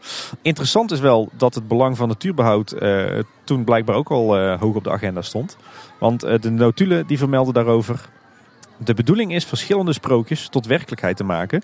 met behoud van de juiste sfeer en zo weinig mogelijk verlies van bomen. Nou, dat is toch mooi om uh, dat is te lezen. doel, ja. En de kosten voor de aanleg van het, uh, het allereerste sprookjesbos uh, bedragen 25 tot 30.000 gulden. Als je dan hoort dat de aanleg van de zes zwanen 2,5 miljoen kost. Ja, dat zullen ze toen niet hebben begrepen, denk ik, als je ze dat toen Nee. had verteld. Ik denk dat je inflatietechnisch ook echt wel je best moet doen om een 2,5 miljoen moet- te kunnen kopen. ja, precies. Oké. Eh, en dat waren toen trouwens tien sprookjes hè, die, eh, Ja. die je daarvoor bouwde. Eh, want nu komen we weer op een interessant moment. Want op 31 mei 1952, bekende datum Dat is een heel bekende datum, ja. dan opent het Sprookjesbos. En de, de opening van het Sprookjesbos is dus het moment dat de Efteling eh, sinds begin jaren 90 als eh, opening van de Efteling hanteert. Ja. Eh, maar op dat moment bestaat het, het bos uit een tiental sprookjes en een siertuin. En het leuke is als je de, de plattegrond van 54 eh, over de, de latere plattegronden legt, dan zie je dat die siertuin ook daadwerkelijk tot 1998 op die plek heeft gelegen. En het zijn de volgende sprookjes die we dan terugvinden in het bos. Het kasteel van Doornroosje, de kabouterhuisjes. Dat zijn dan alleen nog maar, de, is dan alleen maar dat doorloopsprookje wat nu eh, momenteel eh, is afgesloten. Hè? Nou, die drie eh, kleine paddenstoelen, zeg maar. De bosbewaker. Het sprookje wat we momenteel kennen als de zes dienaren of als langnek. Maar het toen een andere als- naam, ja? Ja, staat toen, stond toen als bosbewaker op, op de plattegrond. En die naam die kom je overigens ook wel in meer bronnen tegen. De Chinese nachtegaal. Niet in zijn huidige verschijningsvorm natuurlijk, maar eh, De oude op, Chinese het, eh, op het muurtje bij, eh, waar, nu, waar we nu Draaklicht geraakt vinden. Ook die kun je mooi zien in die video die we laatst deelden. Ja, precies. Het stoute prinsesje, oftewel de papegaai. De put van vrouw Holle. En, en nu komt nog zo'n bijzondere kabouterservice. Dat was een goede naam geweest voor een podcast in. precies. Nou ja, dat is dus de, naam, de benaming, eh, of het, althans denk ik, eh, de plek die we nu kennen als Kleine Boodschap en de bijbehorende toiletten. Die heette toen nog Kleine kabouterservice. Kleine boodschap, dat er al een sprookje wordt gezien, dat trap ik iedere keer nog in. Nou ja, het- ja, er is Ja, er is later wel een verhaal bij bij verzonnen, ja, precies. Verder eh, eh, vind je dan hier ook terug Sneeuwwitje en de Zeven Dwergen. In de oude situatie met, met de open grot. Waar volgens mij eh, familie van jou nog aan heeft meegewerkt, hè Paul? Ja, de hebben we volgens mij al meermaals aangehaald. Maar mijn opa die heeft inderdaad meegeholpen met het op zijn plek leggen van Sneeuwwitje. Op haar plek leggen. Haar plek leggen Ja. van Sneeuwwitje. Excuses, dametje. En verder vinden we dan ook nog in het Sprookjesbos de Kikkerkoning en de Magische Klok. Ja, dus was een beetje ter Routenplein, hè? Ja, en wie goed, heeft, wie goed heeft opgelet in de vorige aflevering weet dat dat, dat dus op de plek was eh, waar tot die tijd eh, het buitenterrein van de scouting te vinden was. Hè? Met brandtoren. Ja, precies. En eh, een houten blokhut. Oeh ja. Waarover later meer. Nou op zich kun je nog, eh, nog ontzettend veel meer eh, vertellen over de hele ontstaansgeschiedenis van het sprookje, eh, Sprookjesbos. En dan vooral natuurlijk hoe Anton Pieck en Peter Reinders erbij betrokken raakten en welke rol ze hadden. Maar ik denk dat het goed is om dat te bewaren voor een volgende aflevering van Kleine Boodschap. Nou ja, niet, niet per definitie de volgende, maar een volgende. Want ja, daar kunnen we denk ik nog wel een hele aflevering over, over vullen. En daar hebben we nu echt de, tijd niet meer voor. Ehm, laten we weer een sprong maken in de tijd, Paul. Ja, maar nu gaan we eigenlijk 1952 voorbij. Dus Oh ja, voor 1952, daar zitten we trouwens ook al voorbij. Ja, we gaan, we gaan, we gaan een beetje smokkelen, want eh, deze... eh, Zijn het de eervolle vermeldingen dan eh, van deze aflevering? nou ja, we hebben natuurlijk... Het, de aanleiding voor deze twee afleveringen was natuurlijk de vraag... wanneer is de Efteling geopend? En ook in 1953, zullen we dadelijk zien... vindt er weer een officiële opening plaats. Dus vandaar leek het mij toch wel goed om ook nog eventjes net voorbij 52 te gaan. Helemaal goed. ja. Want in 1953 eh, volgen ook nog een aantal belangrijke toevoegingen aan het park. Eh, dan volgt namelijk het, eh, het café-restaurant. Dat wordt geopend op 11 juli. Mhm. Eh, het zwembad, dat wordt geopend op 8 augustus. En de roei- en kano-vijver, in een aantal vijvers die, die daarvoor zijn aangelegd. En het park wordt dan nogmaals officieel geopend op 11 juli 1953. Ook weer een datum om te onthouden. Door professor Dr. De Kwaai. En die is dan commissaris van de koningin in eh, de provincie Noord-Brabant. Ook 11 juli 53 eh, zou je kunnen zien als eh, openingsmoment. En dat is ook daadwerkelijk door de Efteling eh, zo gehanteerd. Bijvoorbeeld eind jaren 70, want het spookslot werd daadwerkelijk geopend als jubileumattractie in 1978. Dus toen kwam die datum goed uit. ja, zo, zo, zo zou je het inderdaad kunnen uitleggen, ja. ja. Misschien wel leuk om nog een paar, om nog wat zaken te vertellen over dat jaar. Als we nu toch in 53 aanbeland zijn, dan maken we er maar een eh, compleet eh, verhaal van. Hè. Het zwembad, eh, wat overigens voor die tijd best bijzonder is, was voorzien van een zuiveringsinstallatie. Dat was een ontwerp van de ingenieur Heidelberger. En die kennen we inmiddels wel uit de beide afleveringen als, als ontwerper, landschapsarchitect eh, van de Heidemei. Die, eh, die heel veel aan de Efteling heeft ontworpen toen de tijd. Ehm, datzelfde jaar worden ook eh, de speeltuin en het Sprookjesbos uitgebreid. Mhm. Wist ik overigens niet voordat ik aan deze studie begon. Want in de speeltuin verschijnen dan schommelpaarden en een EHBO-post. En in het Sprookjesbos verschijnen de rode schoentjes. En worden door een roosje, de kok, koksmaat en de schildwacht in en bij het kasteel van Doornroosje geplaatst. Ja. Dus het kasteel van Doornroosje was in 1952 nog, eh, nog zonder animatronics, zou je kunnen zeggen. Wat, eh, wat overigens ook nog grappig is, eh, en, en dat haal ik weer uit een van de boeken van Eduard Steenbergen, is dat er in 1953 een schoenententoonstelling plaatsvindt in Waalwijk. En dat was eigenlijk het vervolg op tentoonstelling De Schoen 49. En ook op die tentoonstelling hadden Kaatsheuvel's fabrikant een eigen paviljoen. En dat paviljoen werd eigenlijk ook gebruikt als visitekaartje voor de Efteling. En zowel het in- als exterieur van dat eh, paviljoen werden door de Efteling aangekleed op een hele sprookjesachtige manier. Ze waren toen al mee bezig in die sprookjesachtige marketing. Ja, absoluut. Dus uh, marketing avant la lettre, denk ik. Hè? Um, ja, goed. En dan zijn we dus in de, aan het eind van 53 uh, beland. En je ziet dat dan in de daaropvolgende jaren de Efteling echt in sneltreinvaart uh, verder wordt uitgebreid tot het park zoals we dat nu kennen. Ieder jaar verschijnen er wel nieuwe attracties, sprookjes, horeca en andere voorzieningen. Die we nu nog steeds vaak in het park kunnen vinden. Maar ik denk, Paul, dat het goed is om, om onze geschiedschrijving, zo gezegd, hier even voorlopig te stoppen aan het eind van 1953 bij uh, ja, zeg maar een beetje het laatste officiële openingsmoment uh, dat we in de geschiedenis van de Efteling uh, terugvinden. En misschien dat we dan ooit nog eens verder gaan bij Kleine Boodschap met de geschiedschrijving van de jaren hierna. Maar zal het voor nu even hierbij laten? Nou, aan de hand van de eerste aflevering kregen we nog een vraag van Arendo. Die vroeg zich af, ik zit jullie nieuwste aflevering te luisteren, maar ik hoor tot nu toe niks over de vervuilde grond op de speelweide. Hoe zit dat? Oeh, dat is een gevoelig onderwerp.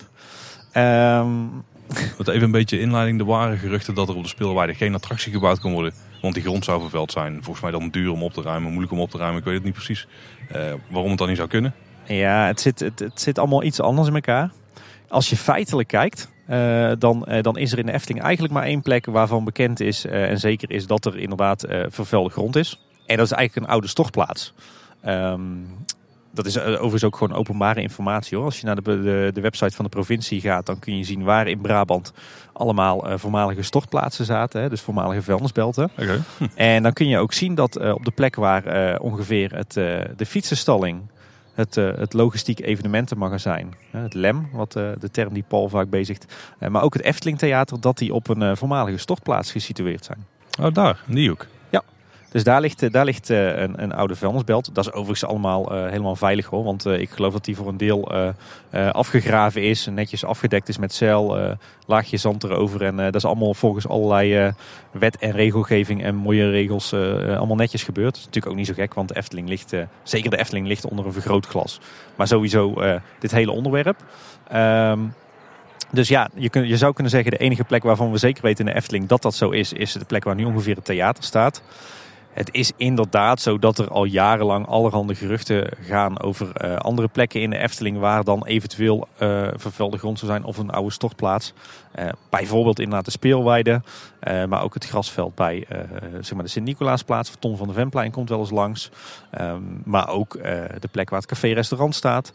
ook de plek waar nu de Bob ongeveer staat. Dat zijn allemaal plekken waarvan die geruchten gaan. Uh, ook mensen die hier in de, in de buurt wonen, hè, die zeggen van ja, in Kaatsheuvel had je, had je destijds uh, natuurlijk de schoenindustrie en de leerlooierij-industrie. Uh, daar kwam een hoop afval vanaf en dat werd overal gewoon in gaten in de grond gestopt. Maar ja, daar valt eigenlijk met zekerheid niks van te, van te zeggen.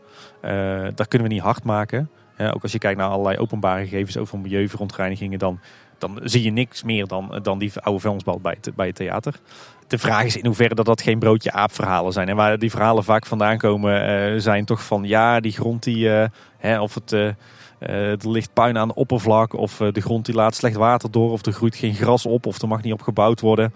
Maar ik denk dat het in de praktijk vaak vele malen simpeler ligt. Als je bijvoorbeeld kijkt naar de speelweide, daar zijn al zo vaak tenten op en afgebroken met zwaar materieel ja, die grond die is gewoon echt finaal uh, dichtgereden. Geen wonder dat daar geen gras meer uh, fatsoenlijk op wil groeien en dat het water daar niet van af kan. Ik bedoel, dat, uh, om dat te herstellen moet je alweer wat meer doen dan alleen ploegen. En ook bijvoorbeeld bij, de, bij het, in het Maarrijk, bij het Sint-Nicolaasplaats, ehm, waar, waar, waar ook niet zo goede waterafvoer is. Daar kan natuurlijk ook zomaar komen omdat daar nog de oude sportvelden onder liggen. Of de oude tribune van, van voetbalclub Desk. Dus ja, ik denk, uh, ik denk eerlijk gezegd dat dat uh, broodje aap verhalen zijn. Kijk, natuurlijk heb je, heb je altijd de kans vanuit het verleden dat er ergens een verontreiniging in de bodem zit. Omdat er ooit is een olietank heeft gelegen of, of iets dergelijks. Maar ik denk dat je ervan uit mag gaan dat de Efteling daar heel zorgvuldig mee omgaat. En er zijn ook allerlei milieuregels voor. Dus daar hoef je echt geen zorgen om te maken. En als je ook een beetje kijkt naar alle, alle zaken die we hebben aangehaald in de geschiedenis. Dan is er ook niet echt kans geweest daar om in ieder geval de afgelopen 100 jaar grote vervuiling ja, Nee, inderdaad, want heel veel meer dan, eh, dan landbouw en bosbouw is hier natuurlijk niet gebeurd. En in het slechtste geval liggen er misschien wat, eh, wat resten van de bouwwerkzaamheden die ze daar hebben neergegooid. Zo veel oude gebouwtjes waarvan de stenen daar neergekieperd. Precies, precies. Dus, Dus, dus kan ik ja, niet voorstellen. Dus Arendo, om je vraag eh, te beantwoorden, ik denk dat het broodje aapverhaal is. Ik denk dat de speelwaarde vooral niet bebouwd wordt, omdat, omdat je ook een locatie wil hebben waar je, ja, waar je grote evenementen wilt kunnen organiseren en tenten wilt kunnen neerzetten. En ja, de enige plek waarvan het bekend is, is de omgeving van het theater.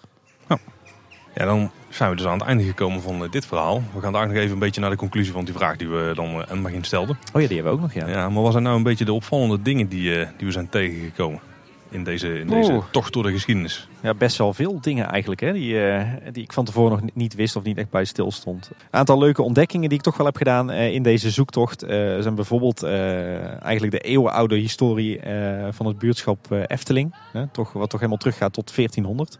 En waar dat, dat dus lag. Dat het dus wel degelijk ook op de plek lag. eh, niet, niet alleen waar nu het Loonse Land te vinden is, maar ook op de plek waar nu eh, de Efteling te vinden is. Eh, ik was ook heel erg ver- verbaasd of verrast door de historische waarde die, die de Eftelingse straat eigenlijk heeft. Hè. Hoe lang dat, dat teruggaat en wat voor belang dat dat had in de regio. Wat ik verder wel opvallend vond was eigenlijk die hele verwevenheid tussen de kerk, de gemeente en, en de Efteling. Dat verbaasde mij, verbaasde mij ook wel. Ja, ook voor die tijd. De kerk mengen zich overal in Oost komen. Dat valt inderdaad wel mee. Dat van de kerk dat had je al kunnen zien aankomen. Maar met name die hele belangenverstrengeling. Eh, om het eh, heel negatief te brengen. Maar eigenlijk die verbondenheid en die verwevenheid tussen enerzijds de gemeente en anderzijds toch de Efteling als ja, bedrijf kunnen we het eigenlijk niet echt noemen. Hè, meer een stichting. Maar die, die verwevenheid was wel echt groot. Valt mij op. En ook financieel. Als je ziet hoeveel dat de gemeente toen de tijd al in de Efteling gepompt heeft. Dan eh, waren die banden wel heel nauw. Wat ik verder interessant vond om, eh, om eh, te zien en te ontdekken was eh, een hoop wat we geleerd hebben over de wielerbaan, de schietbaan en de brandtoren. Toch drie ja, leisure elementen zou je kunnen zeggen uit de jaren 30 waar ik eigenlijk nooit echt bij stil had gestaan dat die in de Efteling te vinden waren. En denk ik van, vanuit de allereerste, speel, allereerste speeltuin zoals die hier in de jaren 30 lag. de zwevende schuit. Die vond ik toch wel heel, heel spectaculair overkomen op eh, foto's en in beschrijvingen. Het eerste ride system bedoel je? Ja, ja. Ja, eigenlijk wel hè. Eh, nou ja, andere leuke dingen uit die tijd waar, was natuurlijk het feit dat er eh, in, de jaren 30 al, al contributie werd gegeven voor de Efteling. Een duppie per week voor het hele gezin. Dat, dat er in die tijd dat het park al open was tot 's avonds laat, hè, tot 9 uur. En dat er zelfs bij de entree van het park muziek werd gedraaid. Dat had ik ook nooit verwacht dat dat in de jaren 30 al hier was. Hebt het gespeeld zelfs, hè? Het was een live bandje, toch? Nee, volgens mij werd het eh, daadwerkelijk eh, gedraaid vanaf eh grammofoonplaat of zo. Oh, zou het zo zijn? Ik kan me niet voorstellen dat er bij eh, de entree van het sportpark een, eh, continu een bekende band stond te Nee, spelen. continu niet. Maar als, natuurlijk, als we daar een kwartiertje hebben gezeten, dan was er muziek, hè? Ja, dat is ook weer zo. Eh, ook grappig trouwens uit die tijd vond ik de link eh, die er is tussen de Efteling en de ijsbaan in de Loonse Drunische Duinen. Ja, dat vond ik ook een opvallende. Wist ik ook nooit. En natuurlijk het, eh, het hele verhaal achter het, eh, wat nu het huisje van vrouw Holle is. Hè? Ja, ja. Wat dus veel verder teruggaat dan, eh, dan alleen het Sprookjesmuseum.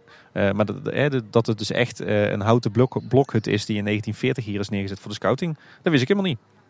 Maar daar gaan we binnenkort denk ik nog in een nieuwsaflevering wat dieper op in, hè? Daar gaan we nog wel eens over hebben. Gezien ja. de toekomst van dit huisje. Ja. En waar ik ook heel erg door verbaasd werd, eh, was eigenlijk de, de professionaliteit en het, het grote succes ook van eh, tentoonstelling De Schoen uit 49.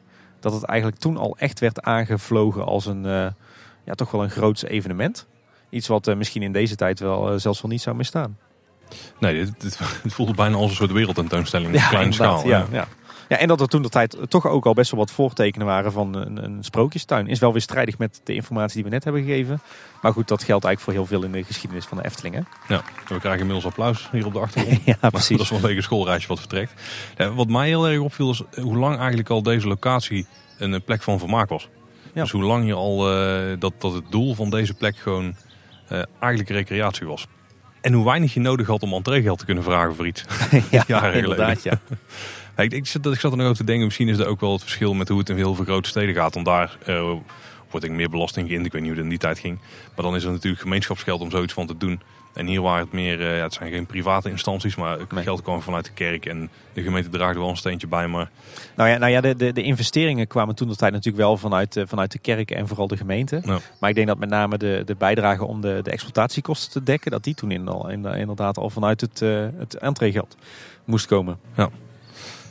Wat zijn een beetje de conclusies die we kunnen trekken? En dan moeten we het ook een beetje naar die, uh, naar die vraag toe gaan. Waar we inmiddels meerdere potentiële antwoorden op hebben. Heel veel inderdaad. Ja, kijk, weet je, weet je waar ik een beetje mee zit? Zeker nadat we deze twee afleveringen hebben gemaakt. Uh, in, in de huidige geschiedschrijving van de Efteling, die, die begint in 1952 hè, met, uh, met de opening van het Sprookjesbos. Uh, en ik denk dat we in deze twee afleveringen wel hebben aangetoond dat die geschiedenis van de Efteling veel verder teruggaat. En, en ook dat er juist in die tijd voor 52 dat er zo ongelooflijk veel uh, interessants te vertellen over valt. Dat de Efteling zo'n rijke geschiedenis heeft. En ik vind het dan eigenlijk best wel jammer dat de Efteling daar niet meer mee doet. Hè. Je ziet dat ze steeds vaker dat, uh, het Sprookjesbos als start nemen. Terwijl er is zo ongelooflijk veel meer te vertellen over de geschiedenis van de Efteling. En, en juist die periode voor 52 is ook super interessant, denk ik. En dan vraag ik me toch af, weet je, waarom doet de Efteling daar niet meer mee? Waar, waarom nou teruggrijpen op 52? Waarom niet veel verder teruggaan in de geschiedenis? Hè? Want ik denk dat juist het unique selling point van de Efteling is dat het park zo'n rijke geschiedenis heeft.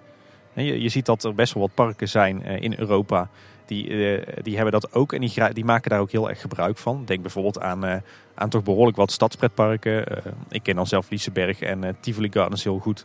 Maar goed, er zijn nog veel meer van dat soort pretparken die, die echt hun geschiedenis benadrukken. En ja, ik vind het dan toch jammer dat de Efteling daar, uh, daar toch echt wel iets laat liggen. Omdat het park eigenlijk een, een, een veel rijkere historie heeft en, en veel verder teruggaat dan, uh, dan wat, ze, wat ze nu eigenlijk zelf zeggen. Ik kan me nog wel iets voor voorstellen waarom ze het zo doen. Want als je, als je in je marketing daarin uh, historie wil meenemen, dan gaat het vooral om nostalgie natuurlijk. Hè, want dat trekt mensen naar je toe. Het feit dat er ergens veel geschiedenis is, ja, dat ja. trekt de geschiedenisliefhebbers. Maar mensen die willen vermaakt worden, ja, die interesseert er niet zoveel. En als je dan teruggaat naar 1952, naar de opening van het Sprookjesbos. Dat is een plek, daar is iedere Nederlander geweest. Dus dat is een plek om makkelijk op terug te grijpen met nostalgie. En alles ja. wat hiervoor daarvoor gebeurde, ja, daar kun je natuurlijk niet zo heel veel mee. Hè. Daar kun je wel vertellen van, uh, er waren ooit sportvelden. Ja, dat is al uh, Truus uit Delft aan de reet roesten. Die, die, die denkt van, ik kom gewoon voor een achtbaantje. Nou, Oké, okay, misschien Truus niet, maar die komt voor een dark ride. Of die komt gewoon om, uh, ja, om, om vermaakt te worden. En als je dan alles voor 52 kijkt, type vermaak toen, dan kun je niet echt meer relateren aan hoe mensen nu vermaakt worden. Maar daarna wel, vanaf 52 kan dat prima, denk ik. Ja, dat weet ik niet. Ik denk dat het toch heel plausibel is om te, om te zeggen van... joh, de Efteling is in de jaren 30 ontstaan als, uh, als sportpark met, met een speeltuintje... en is langzaam maar zeker uh, uh, gegroeid naar wat het nu is. Kijk, het was wat jij net zelf al zei. Hè? De Efteling die, die heeft hier sinds 35 op dezelfde plek gelegen... en heeft altijd vermaak geboden. Tuurlijk, iedere, tuurlijk telkens een net iets andere vorm van vermaak. Maar dat hele katholieke en dat hele met name die, die sport- en bewegen achtergrond, die is er heel geleidelijk uitgefietst. Hè? Ja, maar ik, ik de bezoeker die, nu, die ze nu willen trekken, die heeft er niet zo heel veel aan dat is gebeurd. Weet je wel. En vanaf 1952, nou, ja. wat er vanaf dat moment is gebeurd, dat is wel relevant voor ze. En daar kun je mensen nog echt mee een beetje trekken. Om, nogmaals, dat zijn dingen die iedereen heeft meegemaakt. Dat is echt een nostalgie waar je dan op inspeelt. En wat ervoor is gebeurd, ja. ja. Ja, maar ja, aan de andere kant, ik, je merkt toch wel vaak in de marketing van andere bedrijven hè, dat je ziet van sinds dan en dan. Hè. Ik bedoel, dat een bedrijf heel lang bestaat, wordt wel echt gezien als iets, iets bijzonders. Ja, maar dan krijg je wel denk ik zo'n verhaal in het geval van Efteling van, ja, gestart in 1933, maar in 52 kwam Sprookjesbos. En toen we dat, dat dan, ja. wat er in 33 lag, weinig relevant voor iedereen die nu nog wil komen. Ja, ik blijf het toch raar vinden. Zeker omdat juist uh, bijvoorbeeld, maar om maar weer die Scandinavische stadspretparken uh, erbij te pakken. Die pakken wel echt uit met wij bestaan sinds 18 zoveel of sinds 1920. En die waren toen ook heel anders dan wat ze nu zijn natuurlijk. Maar Walibi kan het ook wel makkelijk doen. Want die kunnen dan teruggrijpen naar de watersport die werd beoefend op die locatie. In ja, de jaren... of, of, of, of, wat ik dan plausibeler vind daar is Flevohof. Maar goed. Maar ja, ja ik, vind, ik vind het eerlijk gezegd een, een gemiste kans dat de Efteling daar niet wat meer mee doet. En juist, die, uh, juist benadrukt hoe, hoe lang ze wel niet bestaan. Uh, zeker omdat er toch best wel wat leuke, interessante verhalen uit die tijd uh, te vertellen zijn. Nou, ik denk dat het ook wel een beetje te maken heeft met wanneer ze de naam hebben aangenomen. Ja, maar dan, als je daarvan uitgaat, dan, dan moet je niet zeggen we zijn op 31 mei 1952 geopend. Maar op 11 mei 1951. Want dat was het moment dat de nieuwe Efteling opende. Ja, ik denk dat dat ook wel correct is hoor. Oké, okay, ja, dan komen we langs maar zeker een beetje bij de beantwoording van de vraag. Wat is nu de werkelijke correcte openingsdatum van de Efteling? Welke kandidaten hebben we een beetje? Nou ja, je, je zou kunnen zeggen uh, ergens in 1933, omdat toen het eerste idee ontstond uh, voor, om hier wat te doen op het gebied van leisure, om het zo maar te zeggen. Uh, een hele goede kandidaat is natuurlijk 19 mei 1935. Hè, dat was het moment dat het, eh, het sport- en wandelpark werd geopend. Mhm. Dat is echt een openingsdatum. Ja. Eh, er zijn wat momenten in 1950 hè, met, die, eh, eh, met de stichting eh, die dan ontstaat. Ja, Dan wordt de naam aangenomen. Ja. Ja. Ehm, 11 mei 1951 is natuurlijk ook een hele plausibele, want dan opent de vernieuwde Efteling, zou je kunnen zeggen. En die is ook jaren aangehouden als openingsdatum. Ja, ja, absoluut. Tot, ja, tot eigenlijk begin jaren 90. Misschien wel een beetje noodgedwongen, omdat, eh, eh, omdat ze Droomvlucht niet afkregen voor 91. Nee, precies. Uiteindelijk ook niet voor 92, maar goed. Eh, nou ja, 31 mei 1952 hebben we natuurlijk. Dat is eh, eh, de opening van het Sprookjesbos. Ook een mooie datum. En eh, tot slot natuurlijk 11 juli 1953, hè, Ja. eh, het, het park weer wordt geopend, maar dan Ja. door de commissaris van de Koningin. Daar lijkt meer een ceremoniële opening. Dus die telt al niet echt mee. Ik denk dat die al afvalt. Ik, ik denk, als je het mij vraagt, eh, en, en, eh, en we, we hebben ondertussen al een paar keer gezegd dat eigenlijk die, die, die vraag waar het ooit mee begon helemaal niet zo relevant is. Maar als je die vraag toch stelt, denk ik dat, dat de juiste openingsdatum van de Efteling of 19 mei 1935 is, of 11 mei 1951. En ik zelf pleit er dan voor, eh, vanuit de, de grond van mijn hart, eh, om uit te gaan van 19 mei 1935. Want ik zie dat wel echt als de opening van wat nu de Efteling is. Ja, ja, ja. En nou, gezien onze discussie van net zou ik dan toch voor... eh, ik denk van, voor 11 mei 1951 gaan. Zullen we dan let's agree to disagree doen, Paul? Ofwel, de vraag die we in het begin stelden, er is eigenlijk niet echt een goed antwoord op. Nee. Ja, er zijn eigenlijk twee antwoorden op. Maar in ieder geval niet 31 mei 1952. Maar de Efteling zelf houdt gewoon lekker 31 mei 1952 aan. Maar, maar als je nou uitgaat van, eh, van mijn gelijk, en heel soms eh, maken mensen die fout wel eens, dan, eh, dan zou je kunnen zeggen dat de Efteling in 2020 85 jaar oud is. Zo, Dat is pas een jubileum om mee uit te pakken. nou, daar verbleken alle andere parken bij in de omgeving. begint het park te dementeren al. Maar ja, nou goed, eh, weet je, eh, ik zou zeggen, eh, Efteling, maak gebruik van die kans om, om je rijke historie te benadrukken. Ga uit van, vijf, van de opening in 35 en vertel dat verhaal. En dan ben je meteen ook 17 jaar ouder dan dat je nu communiceert. Hè? Maar als deze aflevering uitkomt, Paul, dan is het 13 mei. Dus dan hebben we net, net volgens jou het jubileum van de Efteling gevierd. Ja. Wij moeten eigenlijk op 11 mei dan de Efteling even feliciteren. En op 19 mei. Nou, zullen, zullen we dat doen? Zullen we gewoon als, eh, als fans, of in ieder geval als podcast, eh, 19 mei gaan aanhouden als eh, verjaardag van de Efteling? Nee, oh nee, ja. daar kun je het ook niet over eens worden, denk ik. nee, nee, nee. Nou, nou. Ik, eh, misschien dat ik clandestien vanuit ons kleine boodschap-account dan toch wel een felicitatie de deur uit doe eh, richting de Efteling. Doe dat maar, Tim. Mag. een 84ste verjaardag. Overigens, eh, nu we het toch hebben over, eh, over eh, ja, zaken die de Efteling communiceert over haar, eh, haar verleden. Er zijn eigenlijk nog wel een paar dingen opgehelderd hè, in deze afleveringen. Er gaan allerlei verhalen er rond over waar de naam Efteling nu vandaan komt. Maar eigenlijk als je daar een, een goede, goed antwoord op zou moeten geven, is de herkomst van de naam eh, Efteling. Is gewoon de naam van het buurtschap dat hier sinds eh, 1400 ongeveer ligt. Ja. En doet die hele discussie over achterling en ersteling en eersteling en wel of geen herberg met een uithangbordje doet er niet toe. Het is gewoon de geografische naam van dit gebied. Ja. Misschien is dat wat minder sexy. Eh, en ik denk ook een, eh, een ander, ja, iets wat, wat, wat toch vaak door mensen zo wordt gezien en ook wel wordt gecommuniceerd, is dat bijvoorbeeld de rol van een, eh, een Peter Reinders, maar zeker ook een Anton Pieck bij het ontstaan van de Efteling vrij verwaarloosbaar is eigenlijk, toch? Pieck heeft eigenlijk zo goed als niets te maken met, eh, met het feit dat hier de Efteling is ontstaan. Nee, helemaal niks. Maar het is natuurlijk wel die visuele, de, eh, zijn hand hè, die hij heeft geleend aan de Efteling. Vanaf 52. Vanaf 52, ja zeker. Maar daardoor is de Efteling denk ik wel... Heeft de Efteling wel groot gemaakt uiteindelijk natuurlijk. Die stijl Ja, ja. mede. We kunnen die zin nog voor simpeler maken. Het heeft de Efteling uiteindelijk gemaakt. Zou ik wel durven zeggen. Nou, ik vind dat te veel eer, denk ik, voor één persoon. Ja? Ja. Kun je nog die foto's herinneren?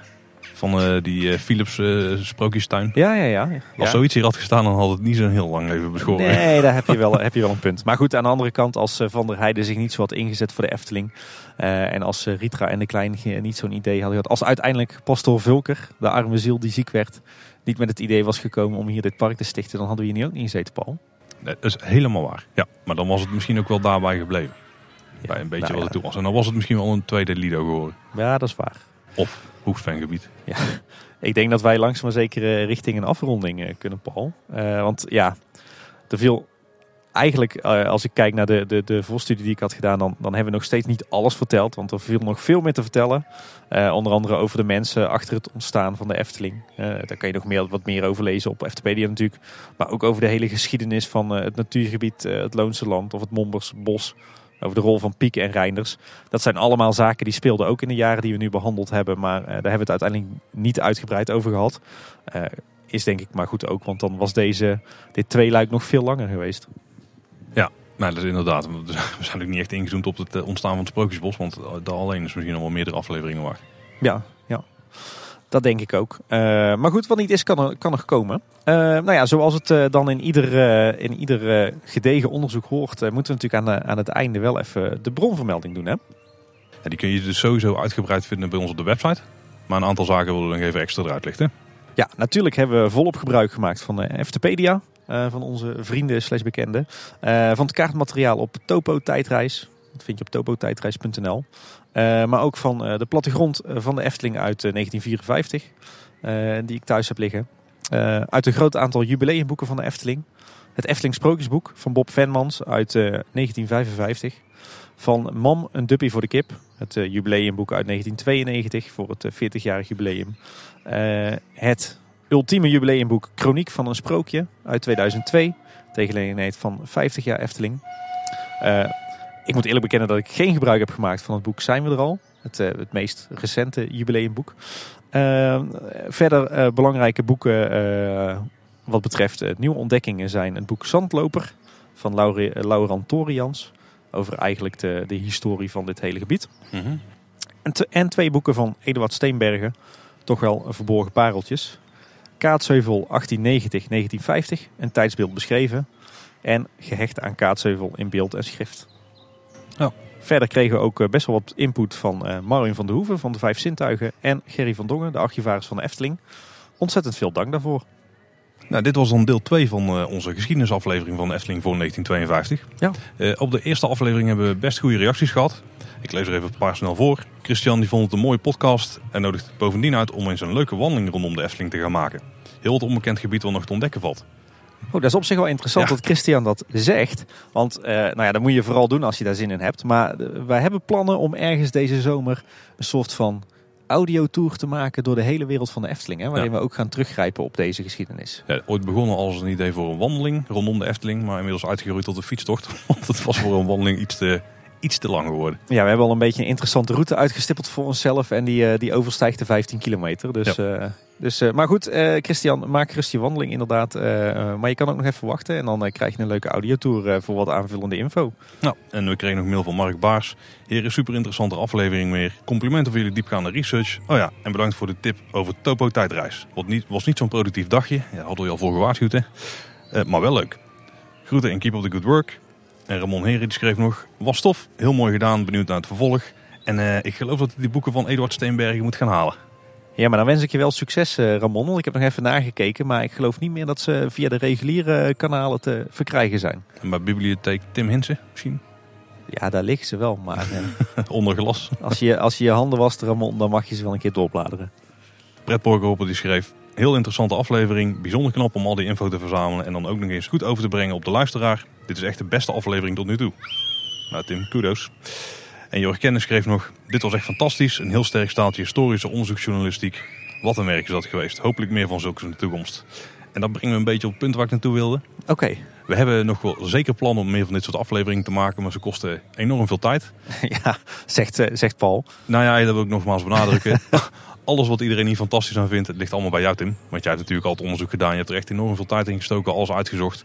Uh, ja, een mooi pakketje van gemaakt wat we konden behandelen. Ja, dankjewel. Nou, ik moet zeggen, het was ook, het was ook wel hobby hoor. Want het begon al met, met, met een plannetje om, uh, om even de verschillende openingsjaren ten opzichte van elkaar af te zetten. En dan ga je zoeken en dan ga je dingen opschrijven.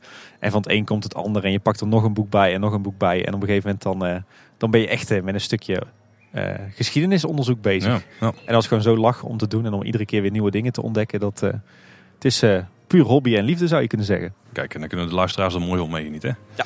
Maar dat is dus een beetje, kost veel tijd. We willen het absoluut nog een keer doen. Maar het kan even duren voordat er weer zo'n aflevering komt. Ik ben er bang voor je. Ja. Maar heb je boekjes liggen over de geschiedenis van de Efteling? Of misschien die dan net raken? Stuur ze naar Tim toe. dan maakt hij er weer wel mooi van. Daar eh, mag je me niet aan houden, Paul. In de hobbytijd, hè? Ja, precies. Zodra de kinderen het huis uit zijn.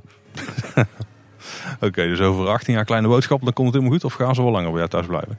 Ik eh, weet het niet. Als hoe goed het bij ons hebben, dan eh, wordt het, eh, duurt dat nog wel eventjes. Hmm, je op een gegeven moment een beetje aan de knoppen draaien, dat het wel minder wordt. Nou, dat was hij dan weer voor deze week. Heb je hier nou nog vragen over? Heb je nog opmerkingen over deze aflevering? Stuur die gewoon wel naar ons toe.